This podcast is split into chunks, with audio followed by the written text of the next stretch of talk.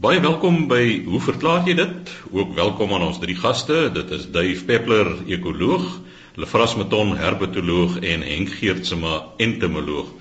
En Henk, ons gaan by jou begin vanoggend. Kamouflasie, advertensie en nabootsing. Ek het 'n aantal foto's gekry van Jan Rodriguez.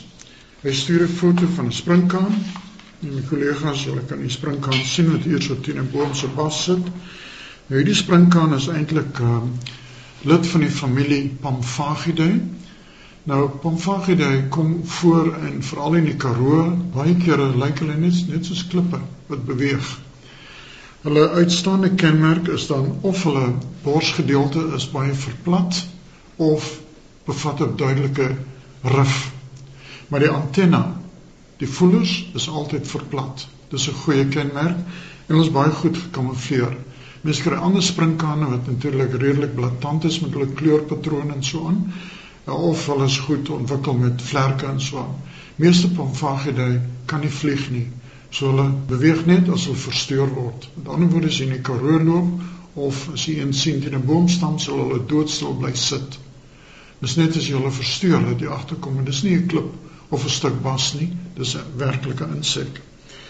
Dan die tweede stel fotos wat hy stuur, is hier van 'n pragtige mot. En gelukkig het hy die foto geneem waar die mot sit op een van die eysterheiningpale. So hiervan af kan 'n mens dan die grootte van die mot bepaal. En hierdie mot behoort aan die uilmotte En dit is die naam hiervan is ek net die papier omdraai. Tona cypnoides is hierdie mot se naam. Jy kan ook sien die twee oë wat hierso is. Nou as die mot hierdie vlerke uitsprei, is die twee oë dan gee dan 'n patroon van vir 'n roofdier bly weg vir my daar's twee oë wat klaar vir jou kyk. En dan die laaste foto wat hy stuur is die een van 'n bidspringkaan Die ouer mense sal nog praat van die hotnotschotte, maar dis nie meer polities korrek nie. Ons praat van bidspringkane.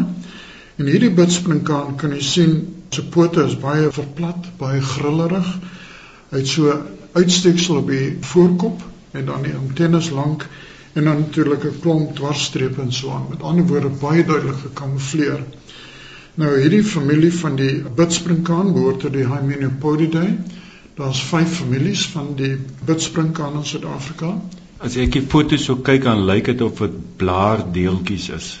Of ja. jy weet of dit onder in droë blare kan loop. Ek probeer nou maar net sê dit wat ek hierso sien. Sien, ja. Nee, ons kyk maar na die foto. Mense kan sien dat byvoorbeeld die borsgedeelte van die bidspringkaan is verplat, verbreed. Die pote lyk so stukkies blare. En dan ook die agterlyf wat hier onder by die vlerke uitsteek, is ook uitgeplat. Met ander woorde, jy kry nie 'n mooi gestroomlyne vorm nie. Dis 'n grillige vorm. Nou natuurlik die bidspringkane, hulle voet, wat ons praat in Engels by stealth. Met ander woorde, amper 'n stelle lokval. Ander woorde, hulle wil nie opvallend wees nie. Mens kry baie van hulle wat byvoorbeeld in 'n blom sit en lyk net soos daai blom self. Die kleur, alles word aangepas. Maar die interessante ding natuurlik van witspringkane is, hulle is soos insekte, drie paar pote, maar witspringkane kan net beweeg op die twee paar agterste pote. Die voorpote word gebruik om prooi te vang. Nou die voorpote is baie interessant. Jy weet as mens kyk na 'n knipmes, dan vou die lem binne in die handvatsel van die mes self. Nou die voorpote van witspringkane is net so. Met ander woorde, as hulle prooi vang, knip die mes oop en dan knip die mes toe.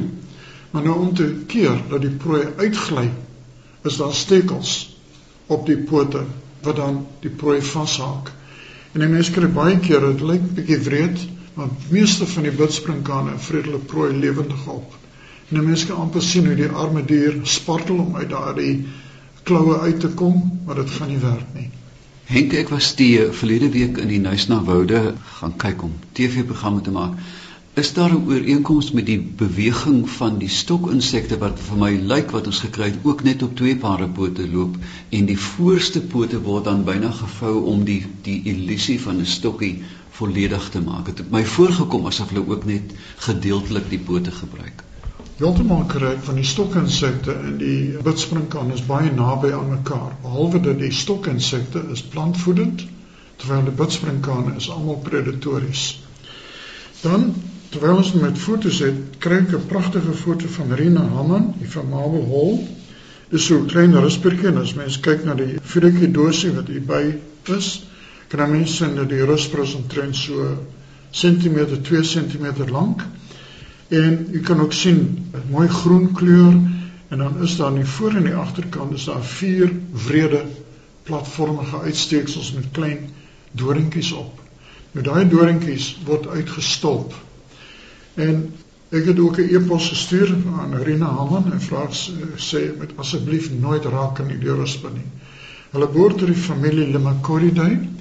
Die Engelse praat van die slug caterpillars want hulle het ook nie pote nie, hulle beweeg met 'n voetsool, net soos 'n slak. En hulle kom gewoonlik voor uh, mense kry in Pretoria en die plekke kry hulle op roosstruike veral mense wat dan rose snoei raak dan een van die ruspers en hulle onthou dit want hierdie ruspers kan brand. En dis hoekom die ruspers so mooi gekleurd is om te waarsku. Nou kom ons by die verskynsel wat ons het in die natuur en natuurlik insekte meesters van hierdie drie aspekte kamouflasie, advertensie en nabootsing. Maar natuurlik, ek dink reptiele en baie voëls doen dieselfde. Nou, kamouflasie byvoorbeeld, ons het nou die foto gesien van meneer Rodriguez van die witspringkane wat die bas absoluut naboots. En dan kry mens, soos Duif nou gesê het, 'n nice nou kry mens stokinsekte wat die takkies naboots. En dan kry mense in Asië, kry mense natuurlik die blaarinsekte. En werklik, as jy die blaarinsek sien, dink jy dit is 'n blaar. En die interessante ding is, baie van die blare verkleur groen, geel, bruin en mense kry dan die blaarinsekte wat dan ook so verkleur. En kan ek net gou vra, dit is vir my baie interessant by die bidsprinkaan nou. Ja. Die kamouflasie dien nou hierso kan dien dat die prooi hom nie sien nie. Korrek. Maar terselfdertyd kan dit weer ook dien dat die die Predator, predator van wat op die bidspring kan voet om ook nie sien nie kan Dit sal nog interessant wees watter een is nou die sterkste krag of werk hulle nou maar albei saam want normaalweg is dit die prooi wat Ja. moet gekamoufleer word en nie die predator so seer nie. Ja, maar die ding is onthou die predator in hierdie geval is ook die prooi. Maar dis makliker vir 'n voël om verskillende insekte raak te sien as vir die bidspringkaan om prooi op te tel. En dis hoekom ek sê ek weet nie wat die Afrikaans sal wees by stealth nie. Voorlê. Ja, lê lê dit Ja. eintlik voor. Met ander woorde, die bidspringkaan het baie geduld. Terwyl as mens 'n roofdier het, 'n akedus of 'n voël, ek dink net so baie geduld om te kyk. Maar hierso teen die bas sit hier nie 'n bidspringkaan vir my en wag nie. Ja. My gevoel is dat dit die kamouflering is hierso teen voëls eerder wat dit is om hom onsigbaar te maak teen die prooi wat hy wil vang. Dit is wat ek sou dink. Ja, maar die onthou baie van die prooi van 'n uh, bidspringkaan is byvoorbeeld vliee, kewers en ander vliegende insekte wat ook baie bedag is op enige beweging. Beweging. Beweging ja. Ja, maar ja nie- want kyk insekte se oë. nie beeld net soos as as hy stil sit en hy beweeg nie. Nee, dan sal die prooi nie die predator sien nie. Maar as 'n goue predator beweeg, sal die prooi dit sien. So en dan gaan die kamouflering help wanneer die ding nou nader kom, die pitspring kan Ja, hy nader beweeg dan sal hy ek wie sê hy bidspring kan. Dis binne 'n dertigste van 'n sekonde wat hulle die prooi kan gryp. Dis ontsettend vinnig. En onthou insekte, al is hulle prooi, kan net beweging sien. Insekte sien baie sleg 'n stilstaande beeld. want dit presies wat ek Ja. dan sê dat die kamouflering dien as beskerming teen aanvalle deur voëls of ander. voels, dis reg, ja, sodat hy met sy werk kan voortgaan. Ja. Henk, ek het die voorreg gehad om van die klipsprinkane van die Rigtersveld te sien wat vir my van die mooiste is wat ek nog ooit in my ek ek was dit is aangrypend mooi. Maar dan as jy in 'n makro deur 'n makrolens kyk byvoorbeeld na die pote, dan sien jy dieselfde onreëlmatige uitstelpings en dit is sodat hy nie 'n reëlmatige skade weer kan gooi nie. Met ander woorde, hierdie uitstelpings het veel meer diepte as net kamouflering. Dit gaan oor skade weer buitelyn, dis nie reëlmatig nie, dis 'n baie komplekse ding. Ja. Natuurlik dan, ons het nou net gepraat bietjie kamouflasie. Dan kry mens advertensie. brand baie harige rispers en so aan adverteer hulle baie duidelik bly weg van my af want as my hare aan jou raak gaan jy begin jeuk of jy word gesteek. Maar dan kry mense dan die nabootsers. Nou een van die bekendste nabootsers wat ons gereeld in die tuin sien is spinnekoppe wat mure naboots. Dit lyk kompleet soos 'n muur nou jy weet natuurlik spinnekoppe het dan vier paar pote en hulle gebruik die voorste paar pote soos die antenne. En hulle beweeg so rond teen die muur of teen die plant uit saam met die mure en jy sal dink dit is 'n muur eintlik maar al wat hulle doen is hulle is weer eens op prooi voorlê dis hulle idee. En dan kry ons natuurlik ruspers ons ken almal die varkoor rusper met die twee groot vals oë op die sykant. En dit lyk dan soos 'n akediskop of selfs soos 'n slangkop En die mense kry in Suid-Amerika kry mens natuurlik die groot stingbesies wat se koppe lyk soos die van een of ander wrede akedus. Dis 'n baie interessante onderwerp en ek dink mense kan ook praat by voëls en soort kamouflage. Ek dink aan 'n nagswaalkie byvoorbeeld wat jy nie maklik gaan sien nie behalwe as jy op die ding staan omtrent. En so gesels professor Henk Geertsma en Lefras, jy het 'n vraag ontvang oor die aptyd van akedisse. Ja, Chris uh Joe Meyer van Potchefstroom.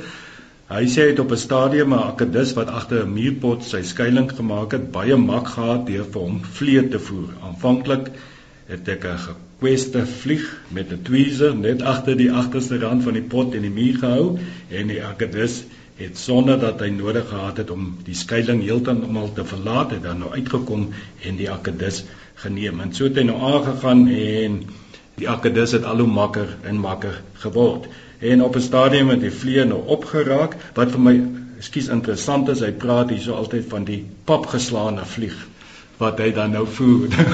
As ek 'n vliegpap slaan, dan is hy pap geslaan. Ek lei af hierdie vlieg is net dood nie heeltemal 'n pappery nie. So later in die winter het die normale huisvlieg dan nou bietjie begin min raak en dan het was daar 'n ander vliegie wat hy noem 'n muurvliegie dink jy sal hou van die muurvliegie. Dit is 'n kleiner vliegie wat hy dan ook nou kon voer. Die het ook later opge verdwyn en toe hy beginne klein stukkies vleis voer vir die akedus. Nou sy vraag is: Hoeveel vliee kan 'n akedus as hy nou vir homself sou sorg op 'n dag gevang kry? Ek was nog nie in staat nie sê hy om te sien dat 'n akedus baie dag vang is, maar een of twee vliee wat gevang word en sy indruk sê hy is dat daar daar verbygaan sonder dat die akedus iets vang. Hy sal graag wil weet met ander woorde hoeveel moet 'n akedus nou eet om in die lewe te bly. Eerstens, ek dink 'n baie belangrike punt wat mense moet verstaan, akedusse en paddas en ander lae werveldiere soos visse en en so meer, hulle is ektoterme. Dit beteken hulle hoef nie te eet of energie te gebruik om hulle liggaamstemperatuur konstant te hou nie. Hulle gebruik uitwendige liggaamsbronne. Ekto beteken van buite. Daarteenoor voëls en soogdiere is mos endoterme. Hulle hou hulle liggaam se temperatuur konstant. Met ander woorde, dit is soos 'n vuurtjie daar binne. Jy moet die hele tyd hout opgooi en daai hout is kos. So jy moet baie eet. Dis sommer net op daardie punt 'n akedus kan maklik 90% minder kos hoef in te neem per dag as wat die mens per gram massa nou hoef in te neem of 'n voël. Hulle kan maar min eet. Dit is die eerste belangrike punt. Dan die tweede ding is wat ek aflei, hy ek kry die indruk dat die akedus teen die muur sit agter die pot. Muurpot staan mos teen die muur en hy sê by die booste rand van die pot. So dit klink vir my of dit 'n geitjie kan wees en nie 'n normale tuinakedus nie. En dit laat my dadelik dan ook dink dat o, 'n tuinakedus en 'n geitjie het heeltemal verskillende voedingsmetodes. 'n Geitjie is wat ons noem 'n sit en wag voeder en hy's 'n nagdier eintlik. Alhoewel dit nou in die dag wat hy die kos nou geneem het, is hy eintlik 'n nagdier en hy's 'n sit en wag voeder. En dit gewone tuinakedus is 'n aktiewe soeker. Hulle loop meer rond en aktiewe soekers omdat hulle rondloop, gebruik hulle baie energie op en hulle moet ook meer eet om aan die gang te bly. Sit en wag voeder kan maar werklik min eet. Een vlieg 'n week sal hom waarskynlik ver bring. Omdat dit 'n nagdier is, dit is maar in die algemeen so dat nagdiere, die temperature is laag, is die metabooliese tempo in die algemeen baie laag en hulle is enige nagdiere wie by jou ektoterme is maar stadige diere. Die meeste geitjies is stadig. Paddas is stadig. Hulle het 'n stadige lewe. Hulle het min kos nodig.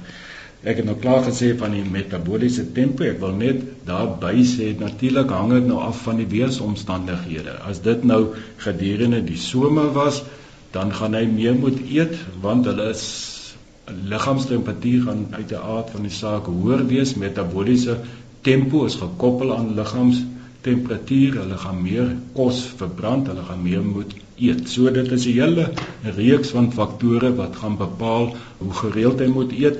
Maar in die algemeen kan mens sê akkedisse hoef nie baie te eet nie. Hulle kan hierdie die winter 3 weke sonder kos gaan en jy, en jy sal sien dat hulle mader is nie. So dit is 'n hele ander manier of hoe kan ek sê benadering tot die lewe as wat ons nou by voëls en soogdiere kry wat hierdie klomp kos elke dag moet eet en 90% van daai kos gaan net om daai temperatuur konstant hou. So ons is groot vermorsers van energie, die mens of soogdiere en voëls. Ek hoop so min of meer is die vraag dan beantwoord.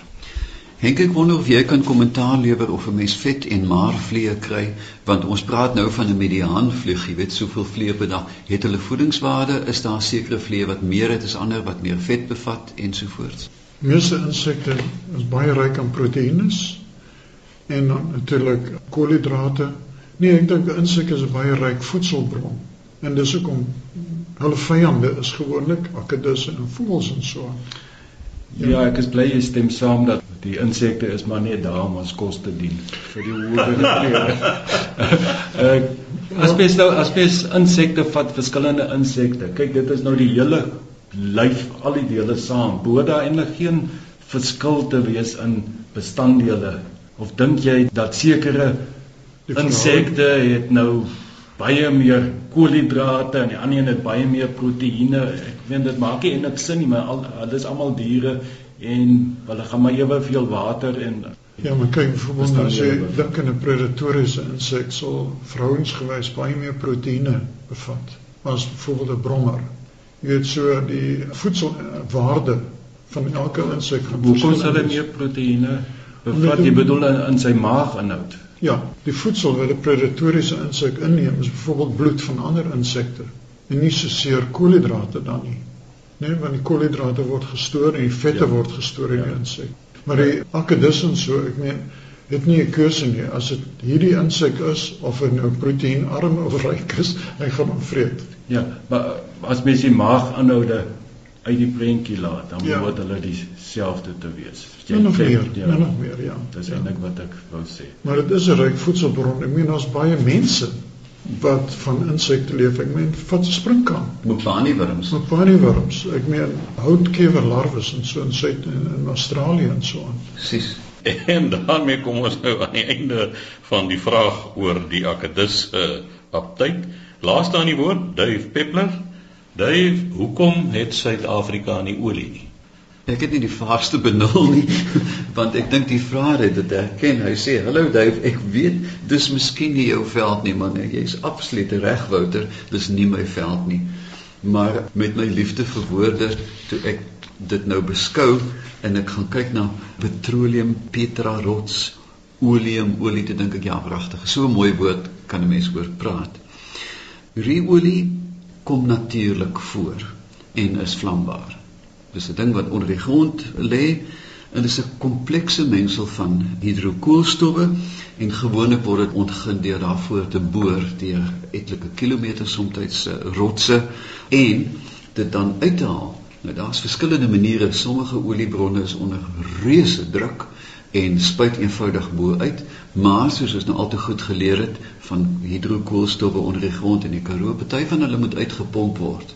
En nie net met water nie, maar met 'n hele klomp aardige goed soos bensien, bekende karsinogene wat dan in 'n sop van ander chemikalieë ingepomp word en uitgepomp word. Meer daaroor later.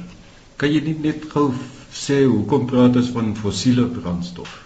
Omdat alle oliebronne, ruoliebronne kom uiteraard van fossiele. Organies. Dis 'n organiese. Organiese ja. ou blare goed wat en hoofsaaklik alge wil dit voorkom ja. want sommige van hulle is vasgevang. Nou die uh, goed word dan uitgehaal en dan word dit deur gewone distillasie soos jy dink kook kom die vlugtige goed eers af en daar word dan 'n reeks produkte uitgehaal. Nou hoe word dit gevorm en daar kom ons nou eintlik by jou vraag gevras. Dis antieke geologies antieke gefossileerde organismes soos zooplankton en alge en ook blare, maar dit wil voorkom asof die grootste biomassa van hierdie is alge. Dit so dit hmm. gereën, daar was 'n algereën in baie ou see's en dan het dit sonder suurstof natuurlik vasgevang want anders het dit verdwyn met ander woorde dit is anoksies behoue gebly en baie lae met die tyd is daarop neergelê en dan moet twee goed bykom om dit dan te piroliseer. En die een is druk uiteraard dit moet onder hoë druk kom saam met hitte. Nou as hierdie goed wissel die druk en die hitte dan kry jy verskillende produkte. Dan kry jy of gas of jy kry teerolies, skaliegasse, maar as daar baie druk is en daar's baie hitte, kry jy hierdie olie van hierdie fossiel brandstof. Dit is uiteraard presies wat Sasol doen. Steenkool word fyn gemaal en onder helse druk en baie hitte piroliseer die spul. Nou eh, het ek 'n kaart uitgedruk oor die verspreiding van hierdie koolstowwe en neersettings reg oor die aarde en dat met die eerste oogopslag sien 'n mens dat dit eintlik maar 'n noordelike halfrond neerlegging is. Die punt wat ek eintlik wou maak is dat jy kan nie eintlik sê hoekom het Saudi-Arabië die neersettings of nedersettings van hierdie goed het gebeur voor tektoniese verskywing gefinaliseer is. Met ander woorde, toe die tektoniese plate rondbeweeg het, het hulle hulle oliebronne saamgevat en beweeg vandag nog. Maar hierdie is 'n refleksie van 2, 3 400 miljoen jaar gelede waar hulle neergelê is. Le France. Wat ek sien is net op die vaste lande. Jy daar's nie in die see ingekleer nie. Ja, daar is uiteraard in die Golf van Mexiko reuse afleiding, maar 'n mens moet dit maar lees dan as 'n inkleding hmm. vir die see. Uh die fossiele brandstof jy het gesê alge en goed en dit is nou miljoene jare gelede honderde miljoene is dit marien van oorsprong want hier's nou alles vasteland geteken ek beide nee, nee dis 'n baie goeie vraag ek het dit ergens neergeskrifel en het nooit gesê nie dit kan in beide marine en in varswater gevorm word nou vermoedelik die karoo afsettings van gas het te doen gehad met varswater want ons weet dat die dinosourus wat daar gevind word was almal varswater. Was ja, was ook binnelandse was 'n groot see ja, of 'n ja. meer. Nou, hoe versamel die goed? Eerste het jy 'n bronformasie, daar waar dit neergesif het deur die honderdduisende of selfs miljoene jare wat genoem word die bronformasie. Maar dan moet hierdie formasie dan bo-op hê 'n deurdringbare een sodat hierdie bron kan deursypel. Dis nie net 'n groot swembad vol olie nie, hy is versprei tussen ander formasies, maar baie belangrik. Dan het hy natuurlik 'n ondeurdringbare deksel van ander afsettings nodig en dit kom waar die druk inkom in die hitte. Sonder die deksel kan dit soos in Kanada kan hierdie olie of tere dan na die oppervlak gedwing word waar hulle oksideer en taai word en nie meer vloeibaar word nie. Waar daar te min organiese materiaal is om nedersettings te vorm, om olie te vorm, kry jy natuurlik gas.